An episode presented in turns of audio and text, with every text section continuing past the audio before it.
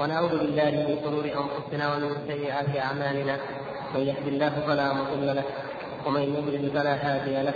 وأشهد أن لا إله إلا الله وحده لا شريك له وأشهد أن محمدا عبده ورسوله صلى الله وسلم وبارك عليه وعلى آله وصحبه أجمعين.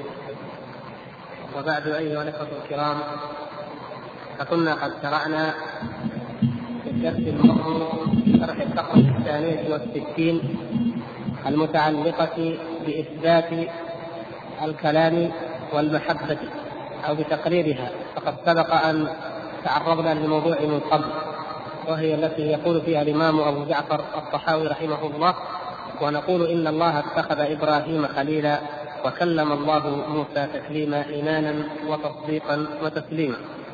والآن نكمل بإذن الله تعالى وبحوله ما شرعنا فيه فيما مضى.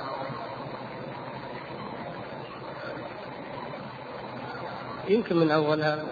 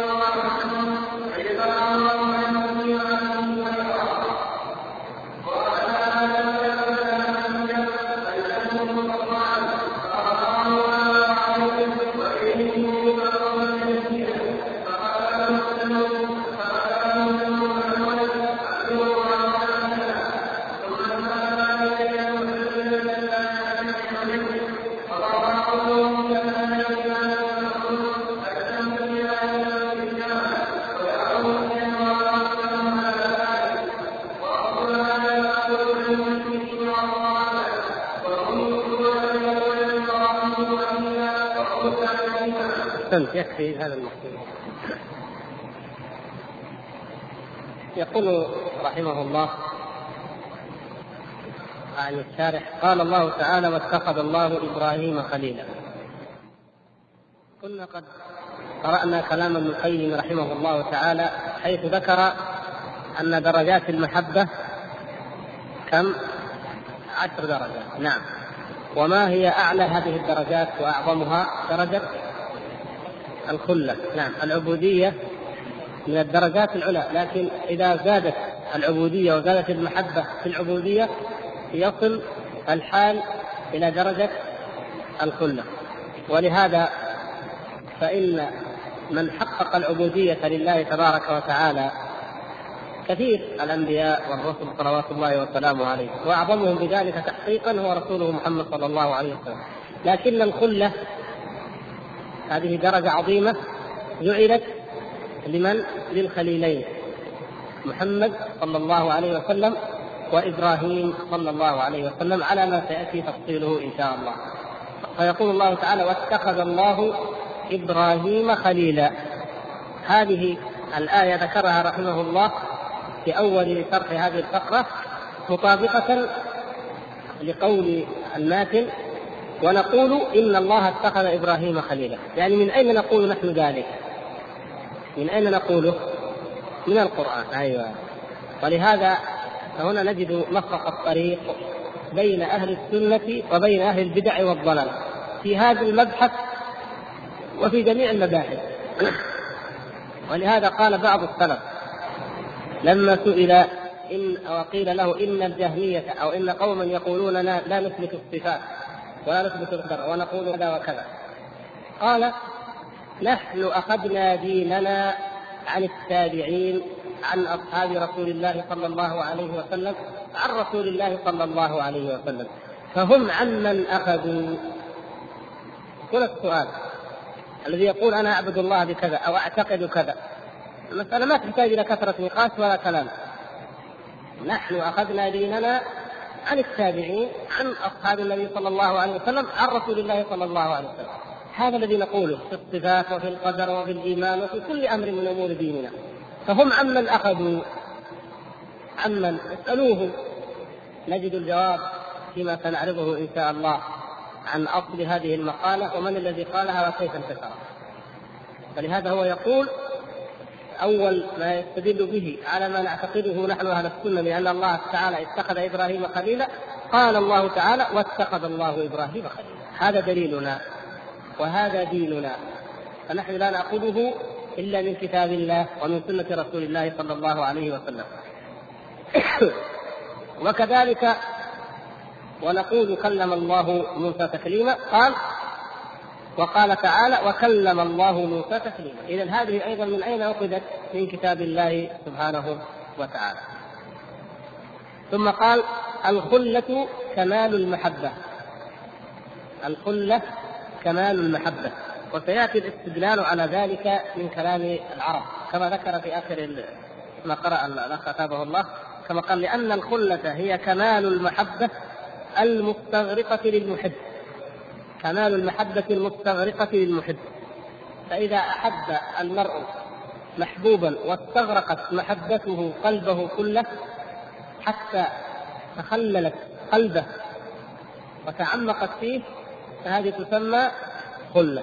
واستدل على ذلك من كلام العرب قد تخللت أو قد تخللت هي الأصل أنه أنها قيلت امرأة مسلك الروح مني ولذا سمي الخليل خليلا. يقول إن محبوبه قد تخلل منه مسلك الروح دخل إلى الأعماق. كأنه ملأ خلال القلب وفجواته. فما بقي في هذا القلب أي مجال أو مقام أو مكان لغيره. هذه هذه غاية المحبة وعمقها. ولذا سمي الخليل خليلا. فالخلة إذا هي كمال المحبة. قال رحمه الله وأنكرت الجهمية حقيقة المحبة من الجانبين. أنكرت الجهمية حقيقة المحبة من الجانبين. يعني من جانب من ومن؟ أيوة. فقالوا لا في حق الله تعالى إنه لا يحب ولا يحب. وهنا نرجع إلى الأصل الفلسفي الذي أخذوا منه. قالوا أو قال زعما منهم أن المحبة لا تكون إلا لمناسبة بين المحب والمحبوب ولا من وأنه لا مناسبة بين القديم والمحدث توجب المحبة. هنا هنا الضلال. من أين أخذتم ذلك؟ من كتاب الله من سنة رسول الله صلى الله عليه وسلم. أخذوا من هذا المعنى الفلسفي هذا دليلهم الذي أصله الفلاسفة والصابئين على ما سنوضحه إن شاء الله. قالوا كيف يكون هناك مناسبة بين الخالق بين القديم كما يسمونه هم في لغتهم الفلسفية وبين المحدث يعني بين الخالق والمخلوق. كيف يكون هناك مناسبة حتى نقول إن هذا يحب هذا أو ذا يحب ذاك. لا مناسبة بينهما.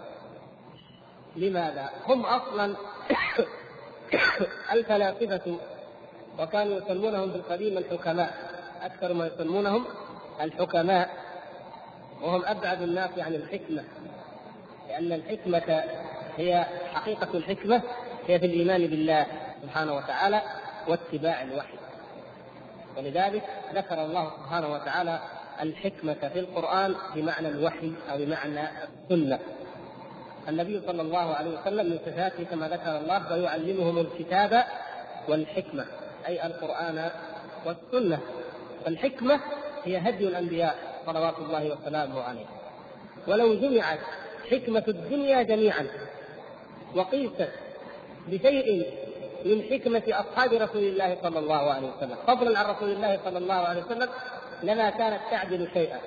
كل ما قالوه في تهذيب الأخلاق وفي الدعوة إلى معالي الأمور وما وما دوروه عن تهذيب النفس وما سطروه مما يسخرون به وهو أفضل الجوانب الحكمية عندهم. أفضل ما عندهم في الحكمة الكلام عن التحلي بالأخلاق وما إلى ذلك. وكيف يكون الحكيم حكيما في أخلاقه في معاملته؟ هذا كله لو جمع من قديم الدنيا وحديثها لما ساوى شيئا من كلام أصحاب رسول الله صلى الله عليه وسلم في ذلك. فضلا عن كلام رسول الله صلى الله عليه وسلم. فضلا عن كتاب الله. لكن الحكمة بالمعنى الآخر الذي يقصدونه هم الفلسفة.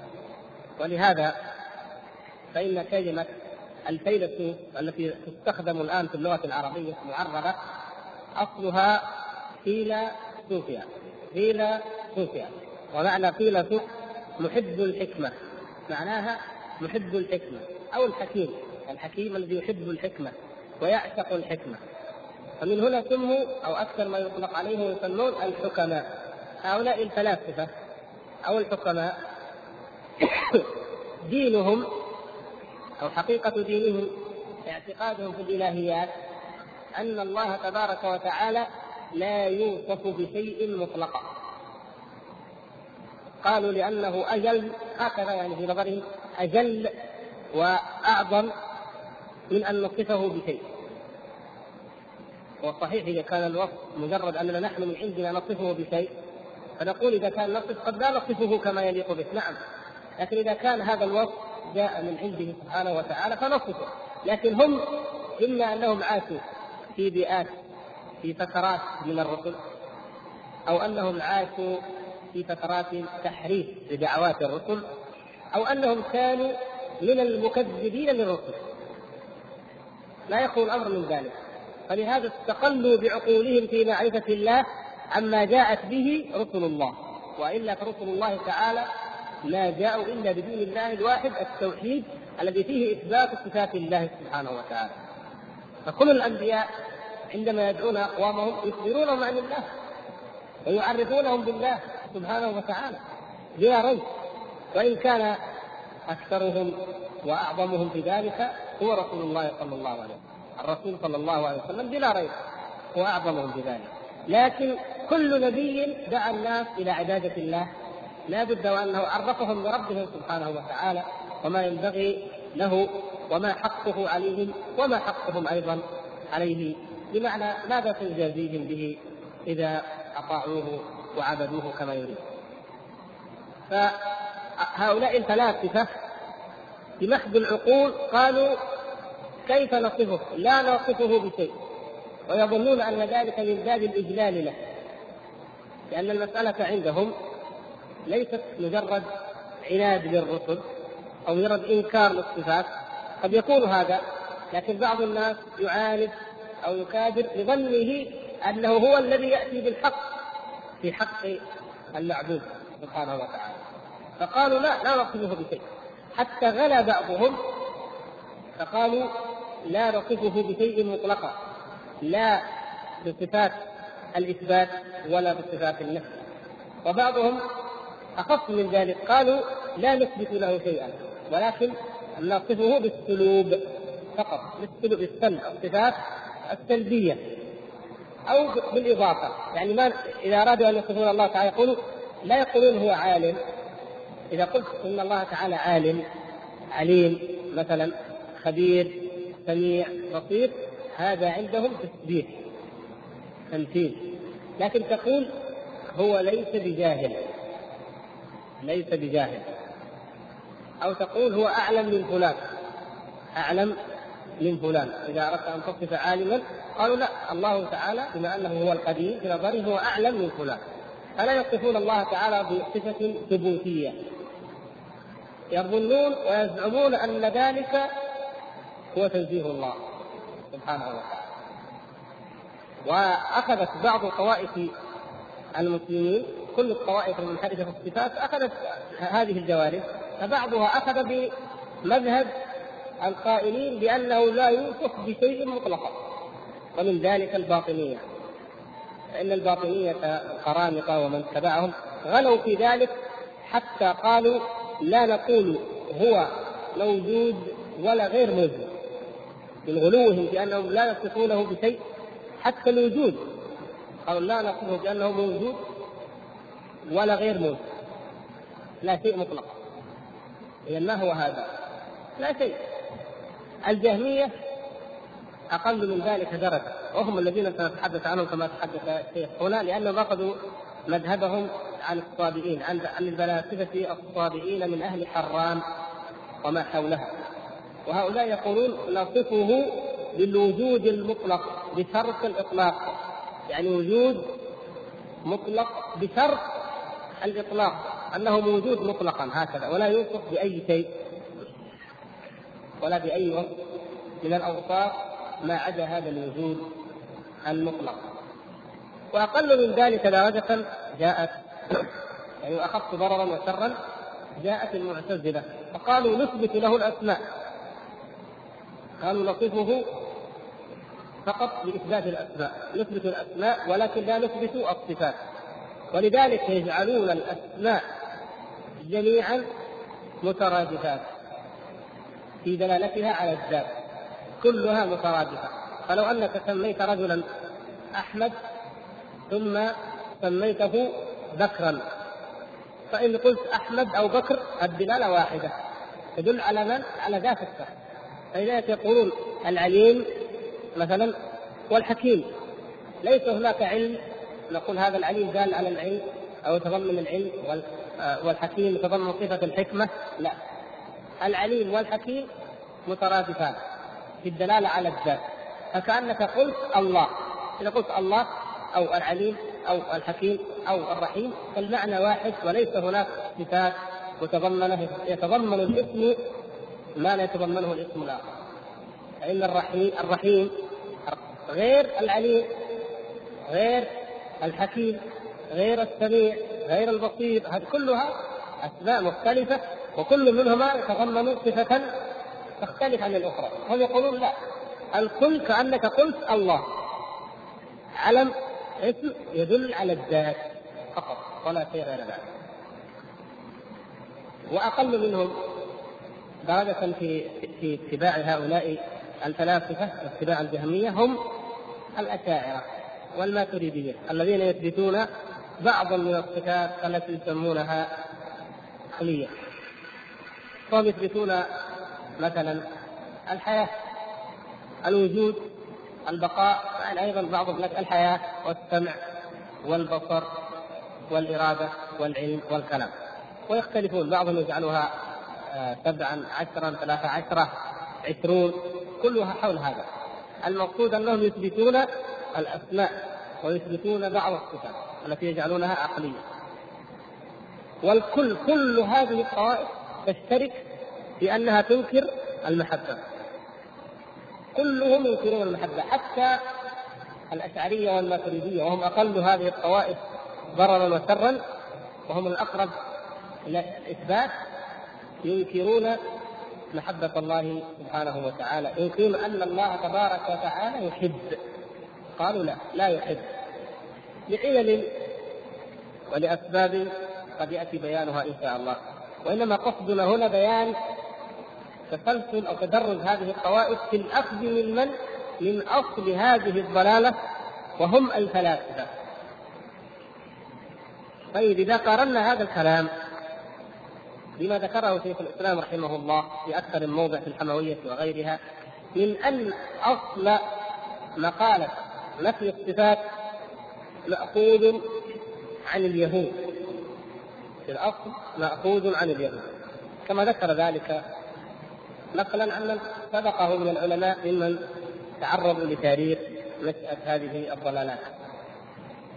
فكيف التوفيق بين الأمرين؟ يعني إذا قلنا إن الجهم أخذ عن الجعد الذي وردت قصته هنا والجعد أخذها عن طالوت وطالوت أخذها عن لبيد بن الأعصر هكذا يروي بعض يذكر بعض العلماء السند في ذلك. المهم نرجع إلى من؟ إلى اليهود. طيب يأتي السؤال. هل دين اليهود هو نفس الصفات؟ دين اليهود وعقيدة التوراة والتلمود هل هي نفي الصفات؟ أن تنفى صفات الله سبحانه وتعالى؟ أم على العكس من ذلك؟ وهو الإثبات. إذا قلنا الإثبات فإذا هم على الحق. كأننا اليهود. لا ما اليهود يثبتون ما ورد في القرآن اليهود. يعني بالنسبة لدين التوراة يقتلون ولا نقول التجسيم يعني لذلك لا ما نقول التجسيم ما نقول هو التجسيم لماذا؟ قلنا التجسيم سبق أن تعرضنا لمبحث الألفاظ البدعية والألفاظ المجملة وقلنا هذه الألفاظ التي لم يرد في الكتاب ولا في السنة إثباتها ولا نفيها فنحن أيضا لا نثبت ولا ننفي لا نقول هذا مجسم. أهل البدع كل المعطلة يتهمون أهل السنة بأنهم مجسمة. وبعدين نحن نقول لا أولئك مجسمة. هذه الكلمة في ذاتها بدعة. هل ورد في الكتاب أو السنة؟ إثباتها أو نفيها إذا نتركها. إذا ما الذي في التوراة؟ الحقيقة من قرأها ها؟ أيوه. التشبيه أو التمثيل نعم. يعني الله تعالى يقول ليس كمثله شيء. لكن في التوراة يثبتون لله مثله. في التوراة وتبعهم التلمود أحبار التلمود الذين كتبوه وهو عبارة عن شريعة اليهود. الشارحه للتوراة فإذا نظرنا إلى أي يهودي يؤمن بالتوراة والتلمود فإن عقيدته تكون ماذا؟ التمثيل أنه يمثل الله تعالى بخلقه ويجعل صفات الخالق مثل صفات المخلوقين ولذلك أو من ذلك أنه أول ما نبدأ نقرأ في التوراة المحرفة في أول سفر التكوين واول اسفار في التوراة سفر التكوين يعني الخلق الحديث عن الخلق كيف خلقهم الله سبحانه وتعالى. ماذا يقول هذا السفر؟ عندما يتحدث عن الله سبحانه وتعالى يبتدي يقول إن الله سبحانه وتعالى قال أخلق الآن الإنسان على صورتنا كشبهنا على صورتنا كشبهنا. ثم إنه لما خلق الإنسان خلقه خلق آدم وحواء عريانين لا يلبسان شيئا ولا يعرفان أهمية ولا قيمة الثياب وحجب عنهما أو نهاهما عن الأكل من شجرة معرفة الخير والشر.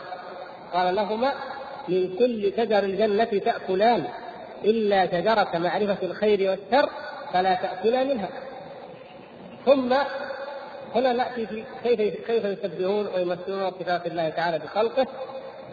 يقول آه، سياق التوراة بعد ذلك إن المرأة أغوت الرجل عن طريق الحية جاءت الحية كلمت المرأة والمرأة أغوت الرجل وأكل من شجره معرفة الخير والشر. فلما أكلا منها تبين لهما أنهما عريانان فسترا أجسادهما. يقول وبينما الرب في الصباح عند هبوب الريح يتمشى في الجنة. تعالى الله عما يقول. شوف كيف يتمشى في الجنة وينادي يا آدم آدم يا حواء ولم يجبه أحد. قال أين أنتما أين أنتما ما يدري في الإصرار شوف كيف؟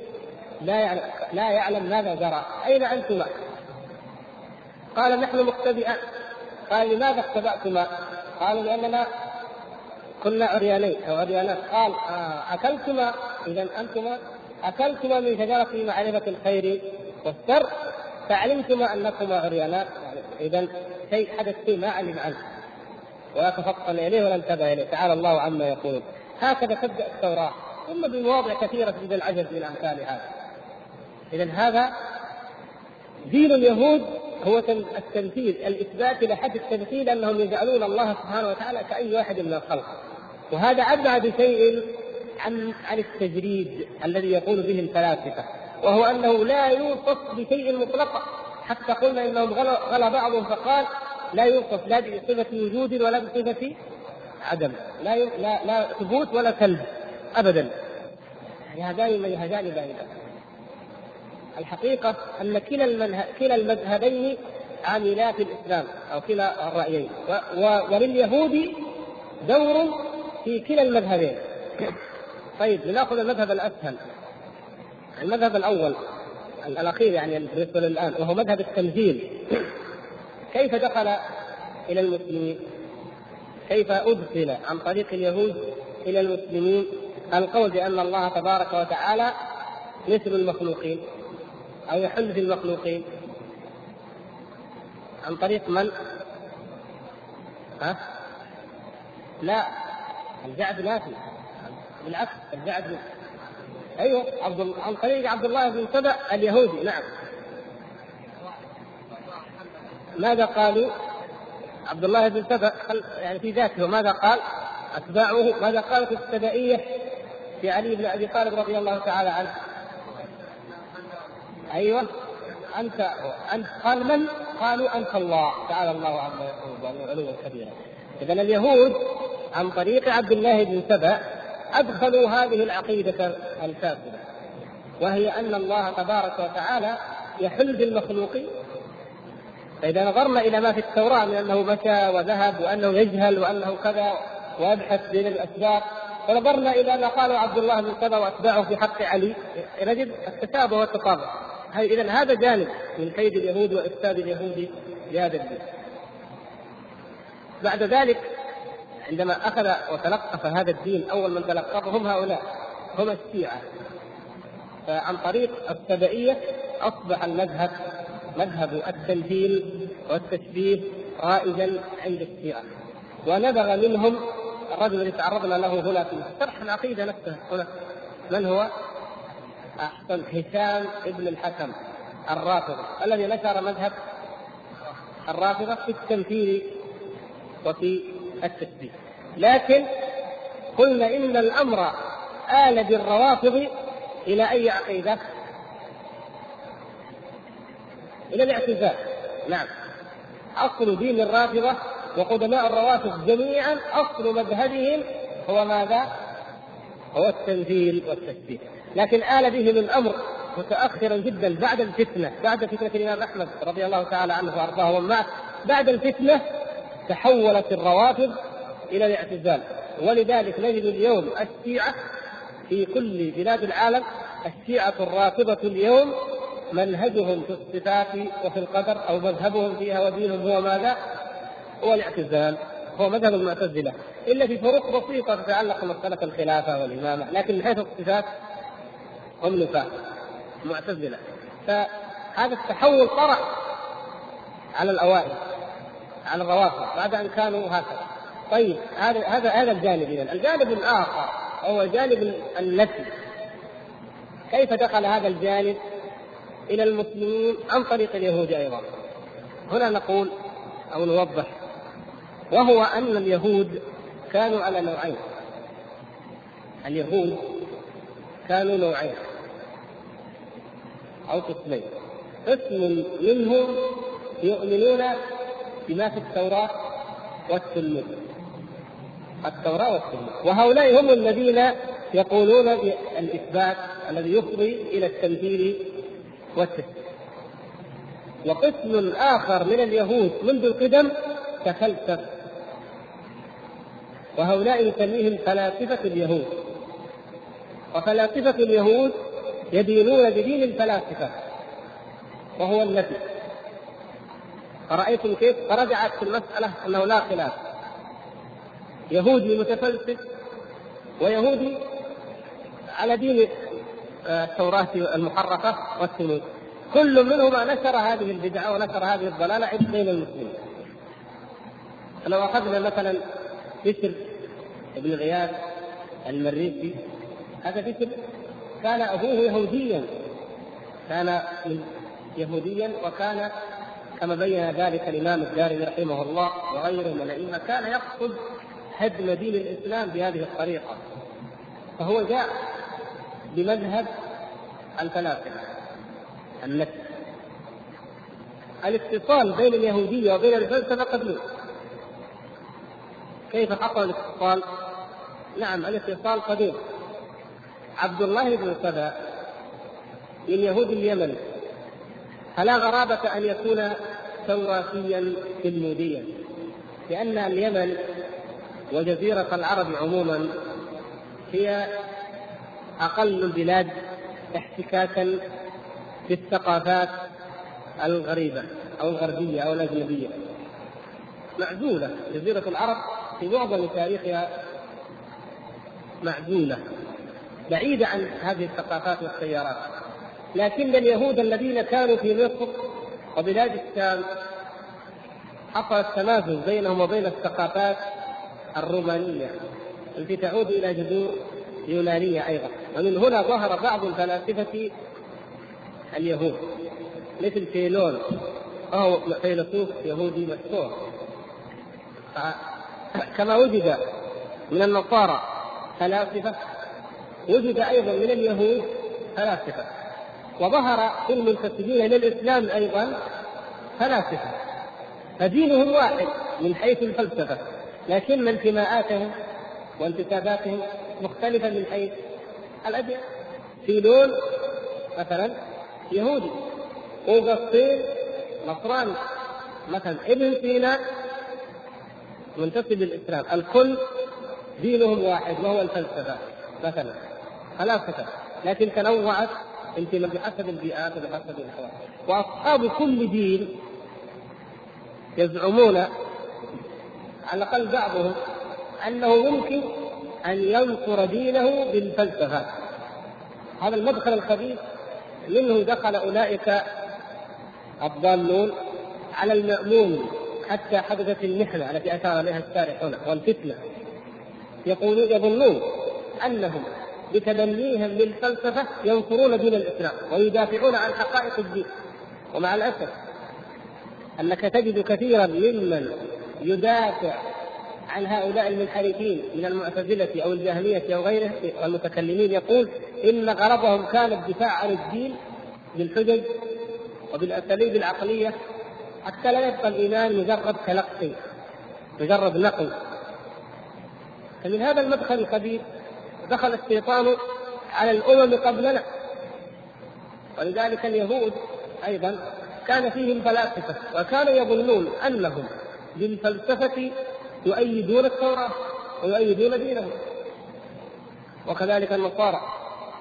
فإن أوروبا الكاثوليكية المعروفة إلى اليوم تبنت ما يمكن أن نسميه علم الكلام النصراني المأخوذ عن أرسطو كما هو في الإسلام بالضبط.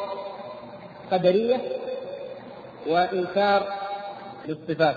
نفي للقدر ونفي للصفات وكانت الكاثوليكية تدافع عنه وتتبناه وكثير من الأحبار أو من علماء الدين النصراني كانوا في الحقيقة علماء كلام بالمفهوم الذي ينطبق بالإسلام. فيظنون أنهم بذلك يدافعون عن دينهم. وهكذا وقع في هذه الأمة.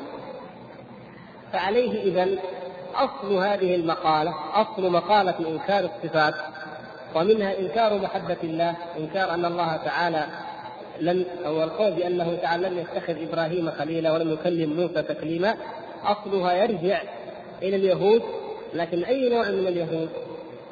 إلى اليهود الفلاسفة أو المتفلسفة من اليهود.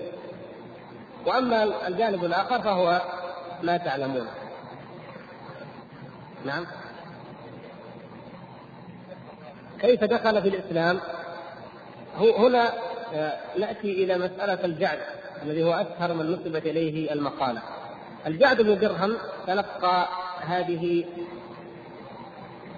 النظريات الباطلة عن فلاسفة الطابئين وأهل حران وهم قوم يعبدون الكواكب ويسمون يسمون الفلاسفة الروحانيين يدعون أنهم روحانيين أو روحانيين. وهؤلاء مذهبهم على مذهب قدماء اليونان أيضا في إنكار الصفات. ولهم عقائد باطلة كثيرة. فتلقى الجعد بن درهم عن هؤلاء الطابئين من أهل حران ومن غيرها هذه العقيدة الفاسدة. ومنه تلقى الجهم. على أن الجهم أيضا كما سنوضح إن شاء الله أخذ عن السمنية وهم طائفة من فلاسفة الهنود. هذا الجعد كان شؤما وكل أهل البدع شؤم على أممهم وعلى دولهم. من شؤم الجعد بن درهم أنه كان مؤدبا لمروان بن محمد الذي يسمى مروان الحمار آخر خلفاء بني أمية. آخر خلفاء بني أمية. من الذي أدب مروان؟ أدبه الجعد وسمي الحمار لكثرة المصائب والبلايا التي تحملها لأنه جاء على نهاية الدولة. يعني كما يقال فكانت كل يوم يأتيه خبر أن إقليم من الأقاليم قد ذهب. كل يوم يأتيه خبر أن هذا قد راح وهو يتحمل ذلك. يعني فيقيل أنه سمي الحمار لذلك. المقصود أنه مروان ابن محمد كان مؤدبه هذا السيف الضال.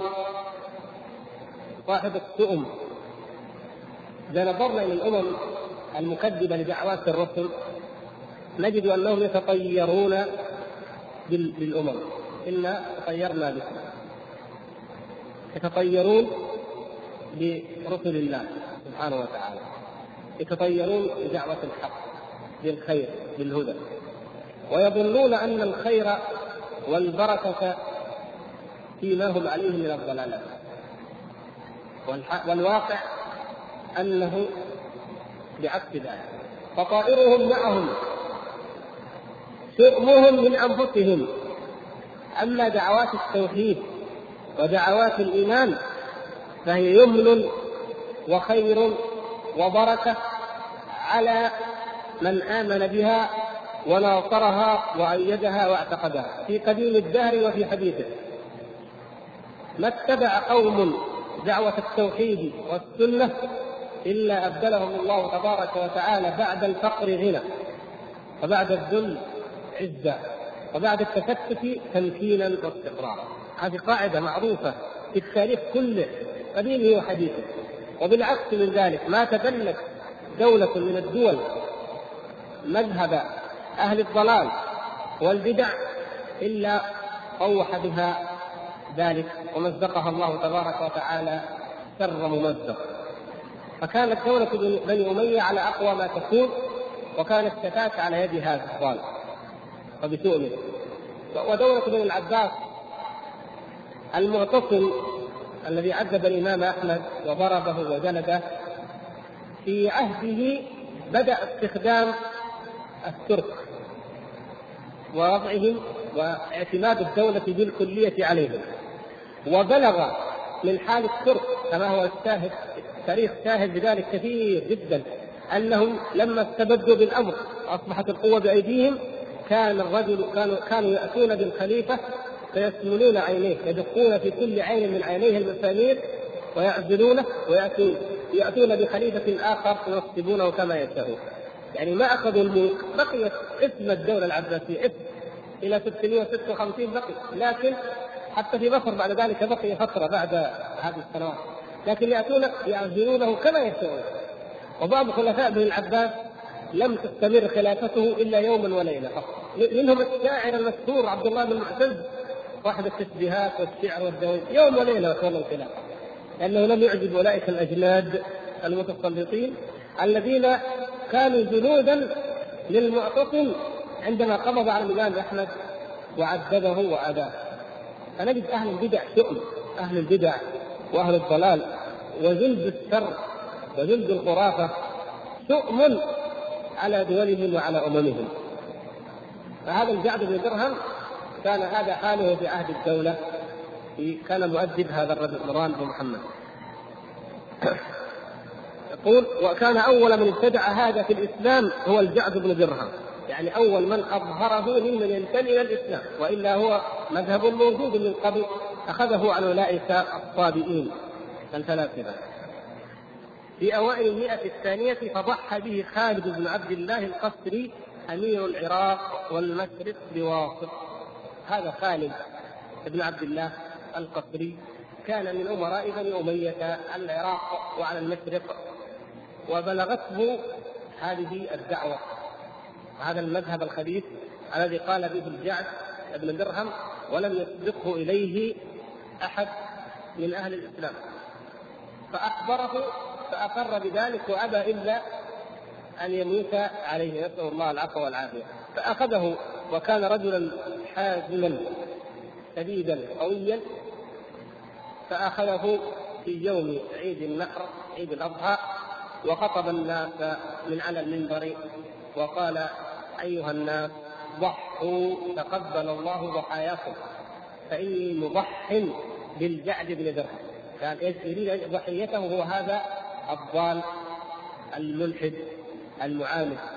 فإنه زعم أن الله لم يتخذ إبراهيم خليلا ولم يكلم موسى تكليما. وكان رأيا حازما كما ذكرنا وأخباره مشهورة في كتب السير والتواريخ.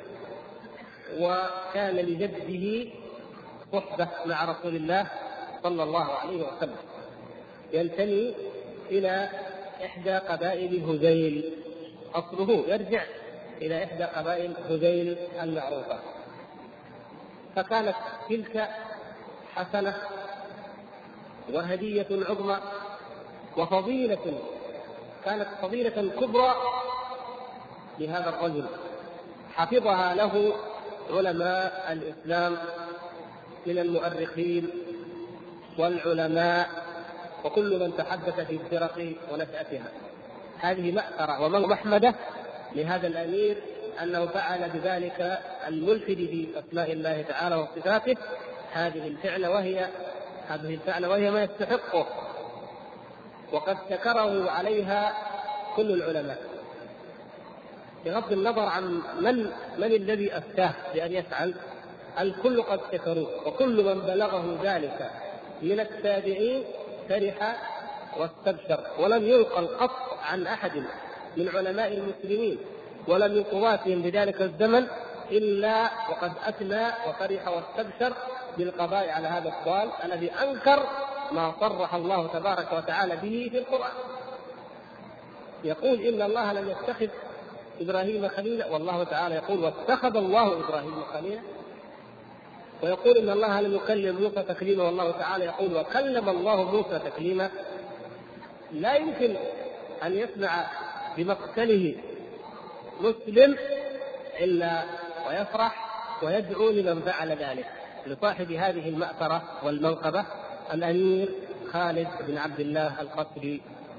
غفر الله لنا وله ثم يقول وكان ذلك بفتوى أهل زمانه من علماء التابعين رضي الله عنهم فجزاه الله عن الدين وأهله خيرا.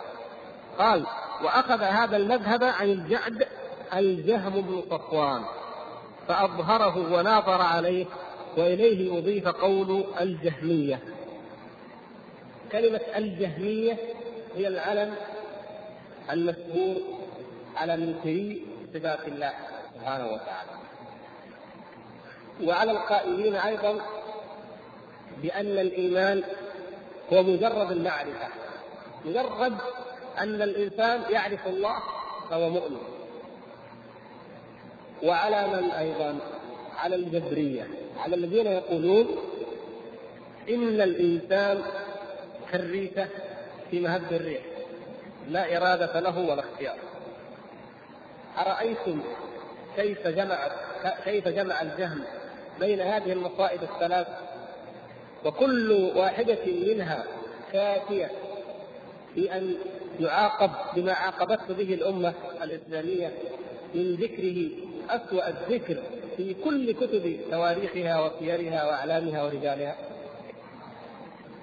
فضلا عما عوقب به من القتل في عصره.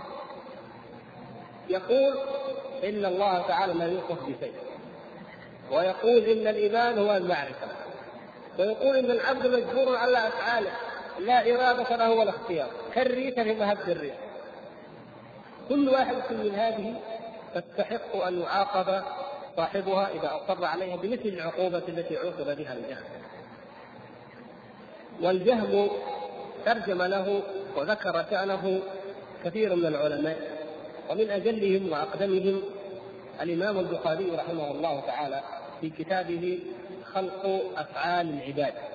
ذكر مبدا من ذلك عن الأئمة الذين تكلموا في الجهم وقد ذكر الحافظ ابن حجر رحمه الله في أول شرحه لكتاب التوحيد من صحيح البخاري الذي عنوانه أو اسمه كتاب التوحيد والرد على الجهمية في اول يتحدث عن شرح العنوان أو شرح الاسم وذكر عن الجهم وعن حياته ونقل نقل ذلك عن المصادر الموثوقة التي ذكرت ذلك كتاب البخاري رحمه الله خلق أفعال العباد وكتاب السنة لابن أبي حاتم وما ذكره الإمام الدارمي رحمه الله وما ذكره عبد الله بن أحمد في السنة وغيرهم ممن تواطؤوا على ذكر ما قاله العلماء.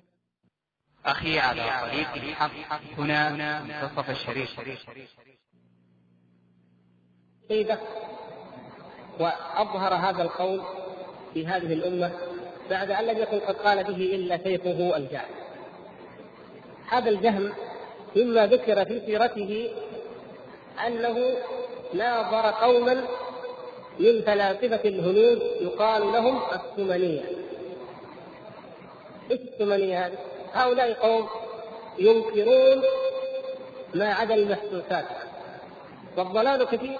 الضلالات كثيرة لا تنتهي. في جميع الأمم.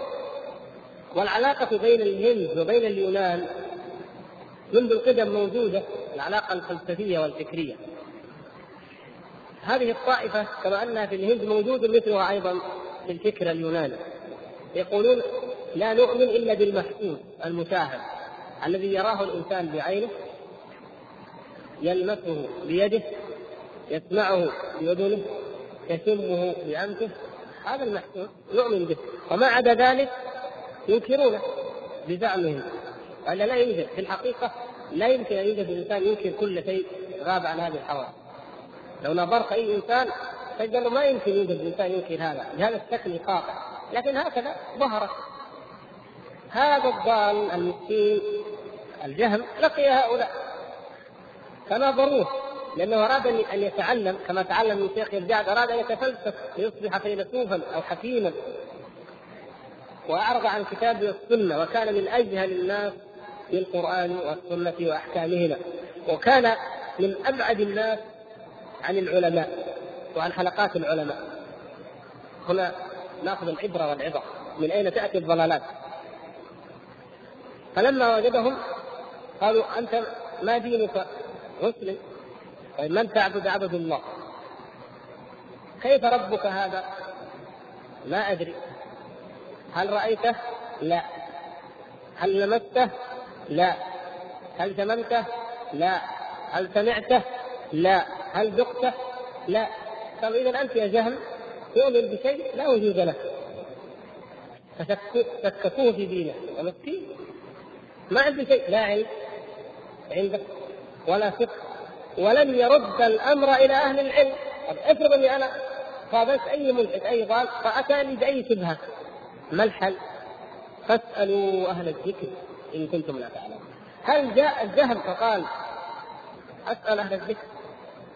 وليس الغرض من السؤال إلا أن يداوى هو المسكين لأنه لو تداوى هو ما له مال الضالين. كثير كثير الضلال في الأمم. المهم الأساس الأول هو أن أي مسلم لا يقع في قلبه شبهة وأصل الضلالة جاء من أين؟ من مجالسة أهل البدع هذا هو كيف تقع الشبهة؟ لماذا؟ بسبب ماذا؟ السماع ترى المشاهد اليوم يجب أن ننفتح على الفكر العالمي ونحن واثقون مطمئنون من, أين تأتي الثقة؟ وننفتح على الافكار على الضلالات فيقع في القلوب كثير من هذا. كم عندنا من أمثال الجهم في المعلومات؟ يمكن يكون الجهم بالنسبة لهم عالي لأنه عاش عاش في بيئة التابعين وغيرهم وأتباع علم يمكن يكون عنده شيء على جهله لكن الآن أكثر المسلمين بعيدون عن دينهم ويقال ننفتح على الثقافات. وكما قال الشيخ الضال العزيز الضال الذي قال لا يوجد غزو فكري وإنما المسألة تلاقح بين الحضارات. نجحوا ويتنجحوا من الغرب والشرق سبحان الله. هذا هو هذا هو الخطر.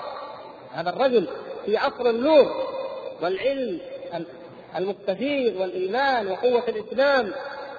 قابل هؤلاء فشككوه في دينه. طيب هل رجع إلى أهل العلم ليداووه؟ لا. قال أمهلوني. يعتمد على مخه وعلى فكره. أمهلوني فقط. فأمهلوه فشك في دينه. وبقي أربعين يوما لا يصلي. كما ذكر ذلك الإمام أحمد رحمه الله نقلا عن شيوخه أربعين يوما لا يصلي. شاك متحيز كيف المخرج؟ يفكر في الليل والنهار. ماذا أجيبهم؟ ماذا أجيب؟ فتذكر شيء. قال هذا الهواء. الهواء هذا.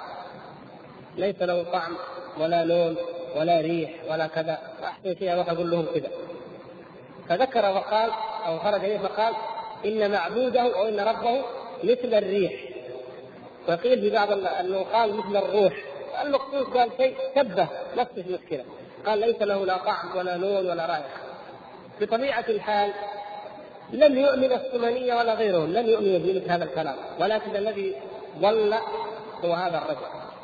فلذلك أخذ يؤصل مذهب أنه ليس لله تبارك وتعالى صفات. وأن تنزيه الله هو بنفي صفاته كما قال شيوخه من البلاغ. وحتى امرأته كما نقل الإمام بكر آه، عثمان الدارمي رحمه الله في رده على بكر حتى امرأة جهل تعلمت منه. ولا كان كما لقيها بعض العلماء في سوق الدباغين سمعت رجلا يقول الرحمن على العرش استوى. قالت محدود على محدود. محدود على محدود. علم زوجته أفسد امرأته. دعاة الشر يفسدون نساءهم. ومع الاسف أن بعض دعاة الخير لا يصلحون أزواجهم. انتقلت المقالة إذا من الجهل هذا إلى كثير من الناس. وتلقفها وحمل الراية بعده بشر اليهودي بشر بن غياث المريسي اليهودي.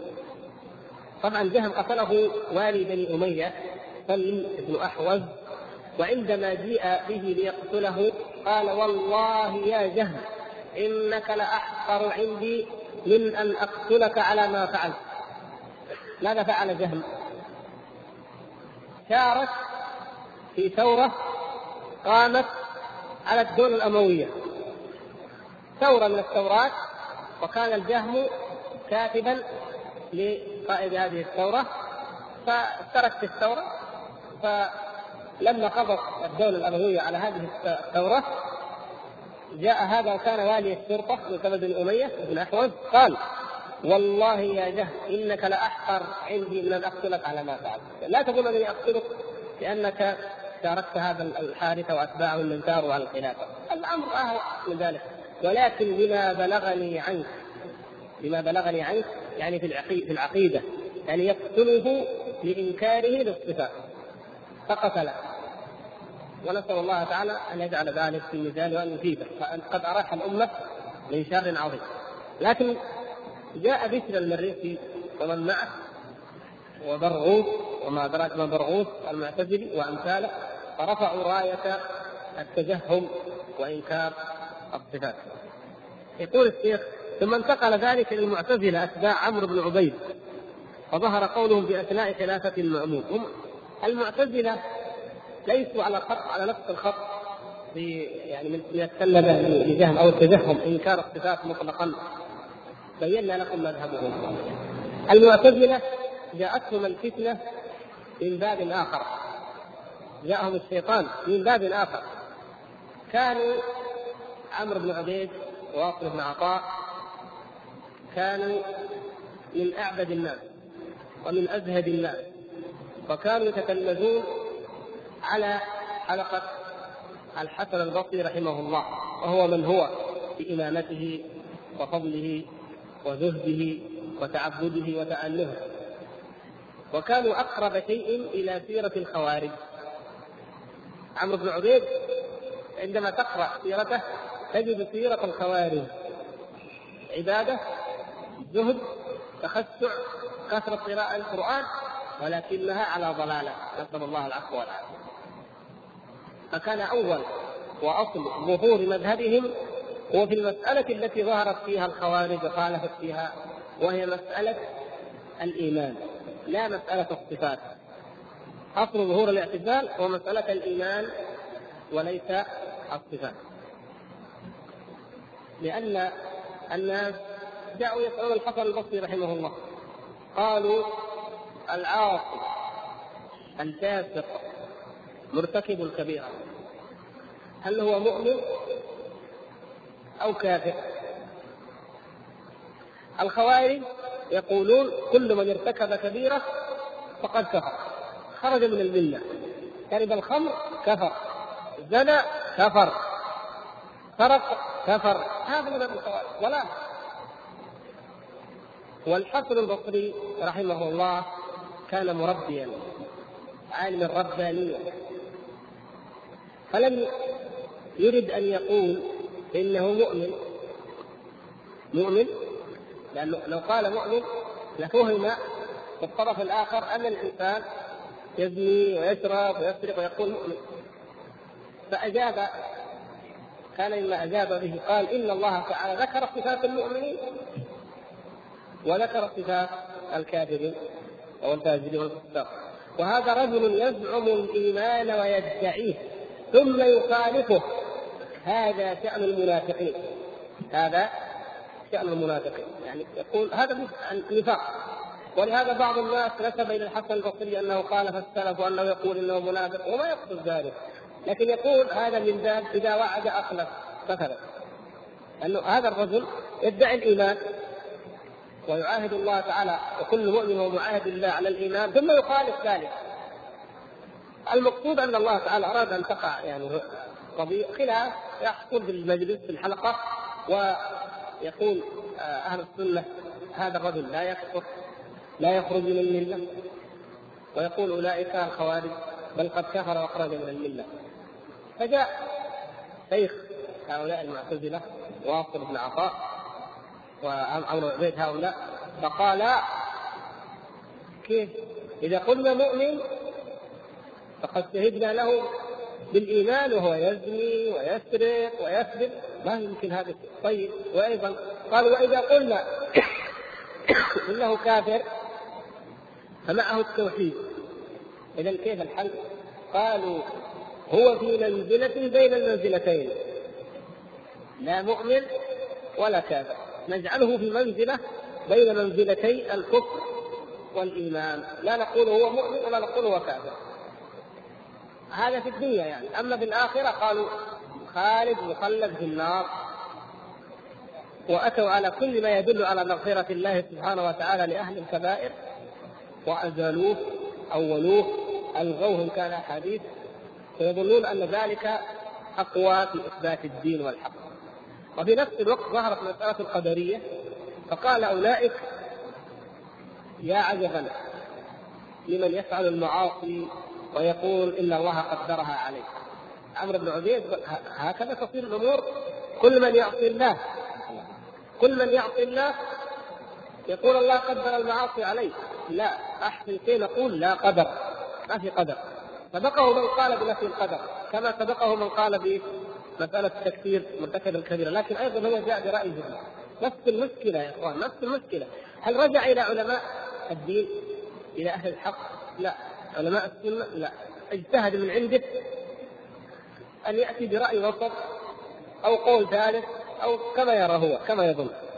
فقال ننكر القدر. لا في قدر. لابد أن نقول إن الإنسان هو الذي يخلق فعل نفسه. إذا قلنا الله يخلق أفعال العباد إذا هو الذي خلق فيهم ترك الصلاة وخلق فيهم فعل الزنا وخلق فيهم كذا. إذا صار جبر صار الإنسان مجبور. أحسن شيء ننكر الصفات ويظن نفس الظن الأول أنه بذلك أنه يؤيد الدين. أنه يؤيد الدين وينصره ويحق الحق. يعني لاحظوا يا إخوان. العبر كثيرة من هذه القصص من هذا الحال هذه الأحوال. العبر كثيرة. من أهمها أننا لا ننظر إلى مجرد نية أو قصد أهل البدع.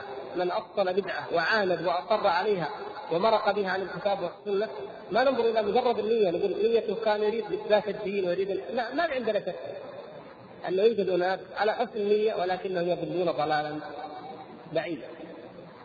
وأيضا لا نحقر صاحب بدعة ولا أي بدعة. لو قال قائل من علماء السلف الجهم وما الجهم؟ كيف يكون الجهم؟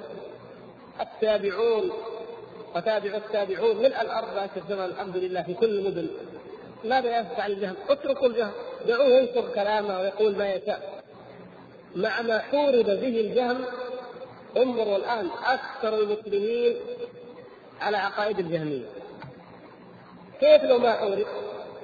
انظروا كيف لا يستقر أي بدعة لا تستقر لا يهون من شأنها لأنها في الدين أي شيء في الدين خطير يجب أن نقف له بالمرصاد هذه من العبر. وأيضا لا يغر بالمظاهر لا يخدع بها. مهما كان مظهر أهل البدع.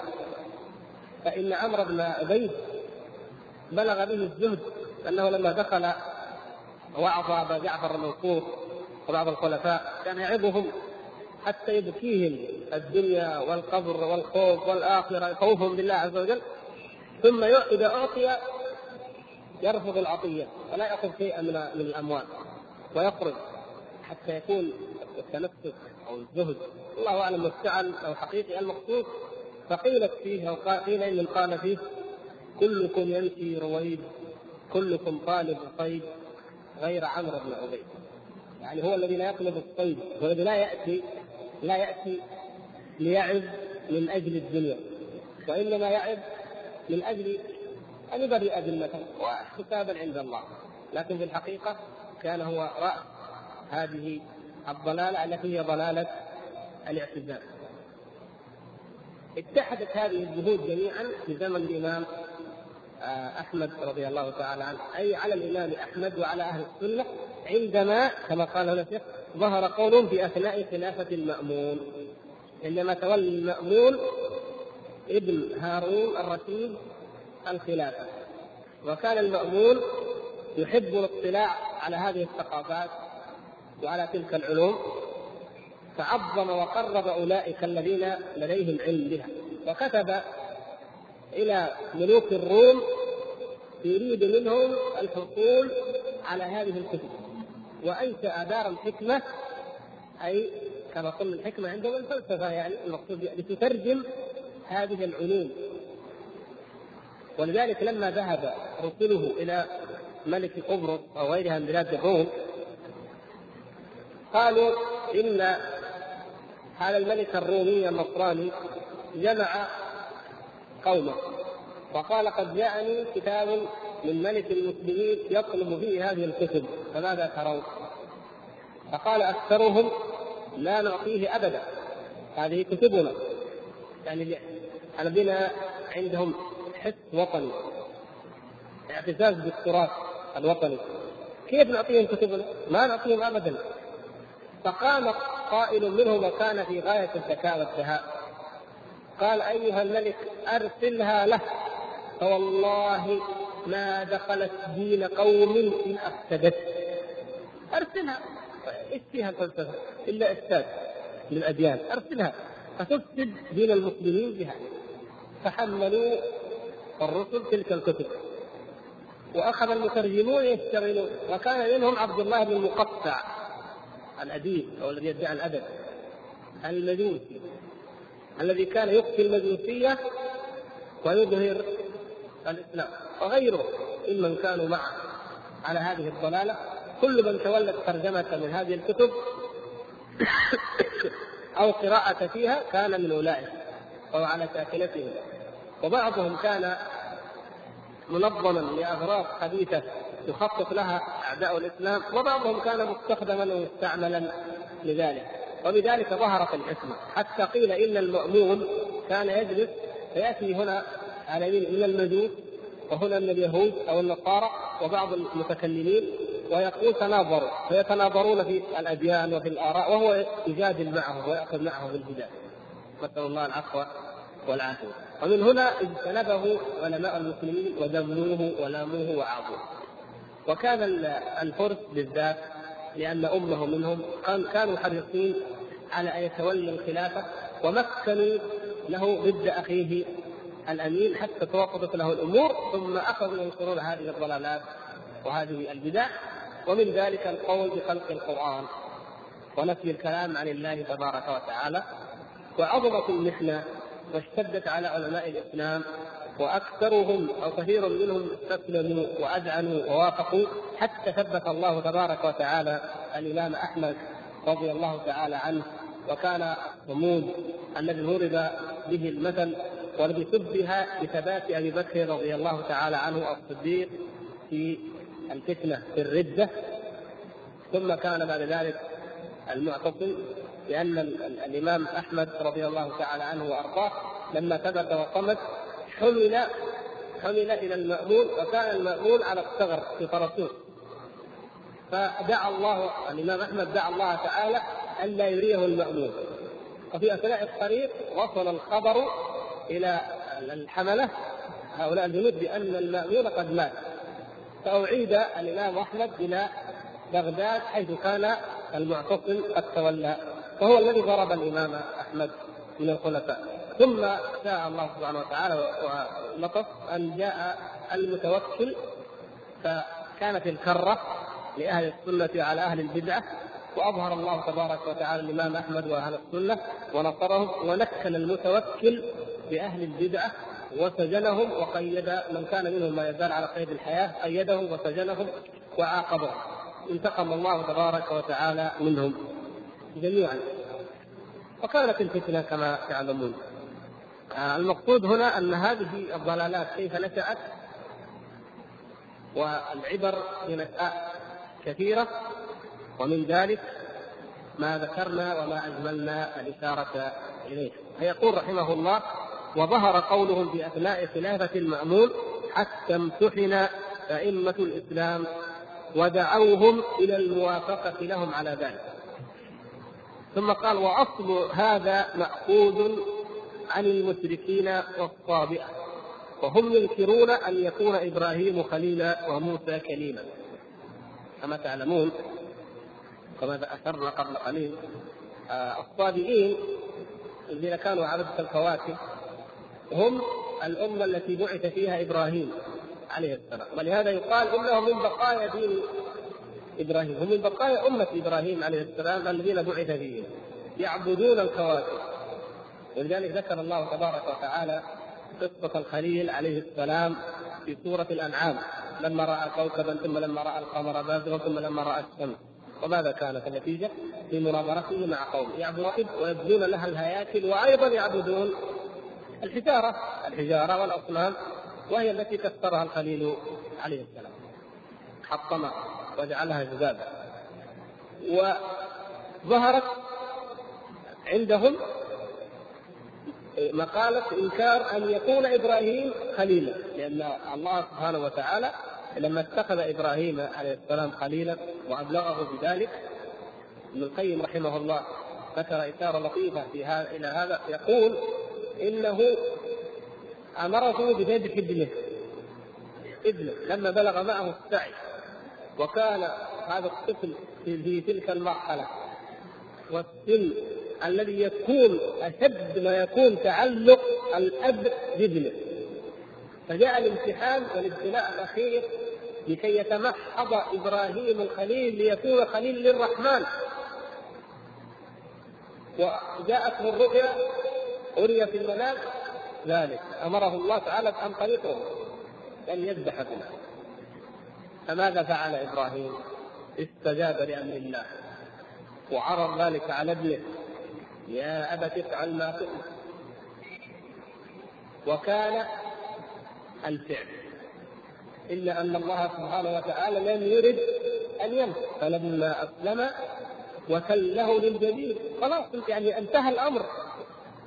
وضعه وكله وأخذ التسكين وأعملها.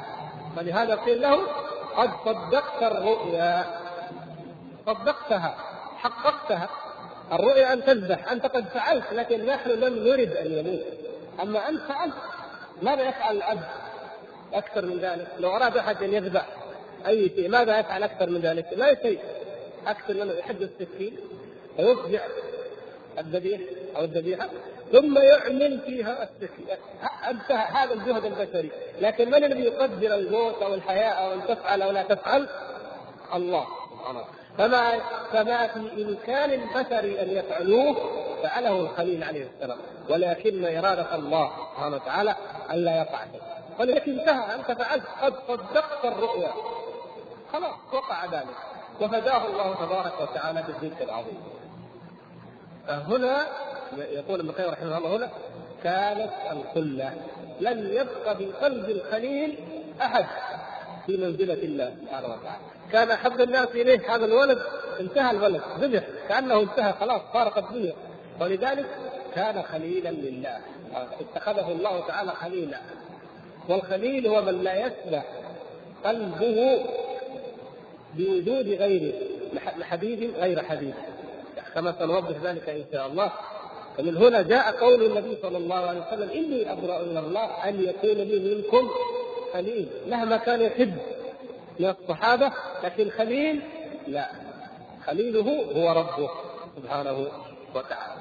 نقول إن الصالحين قوم إبراهيم عليه السلام كانوا يعلمون من دينهم أن نبيهم ورسولهم هو خليل الرحمن فأنكروا أن يكون خليلا. وكذلك الذين أخذوا هذه المقالة من فلاسفة اليهود أنكروا أن يكون نبيهم موسى كليم الرحمن.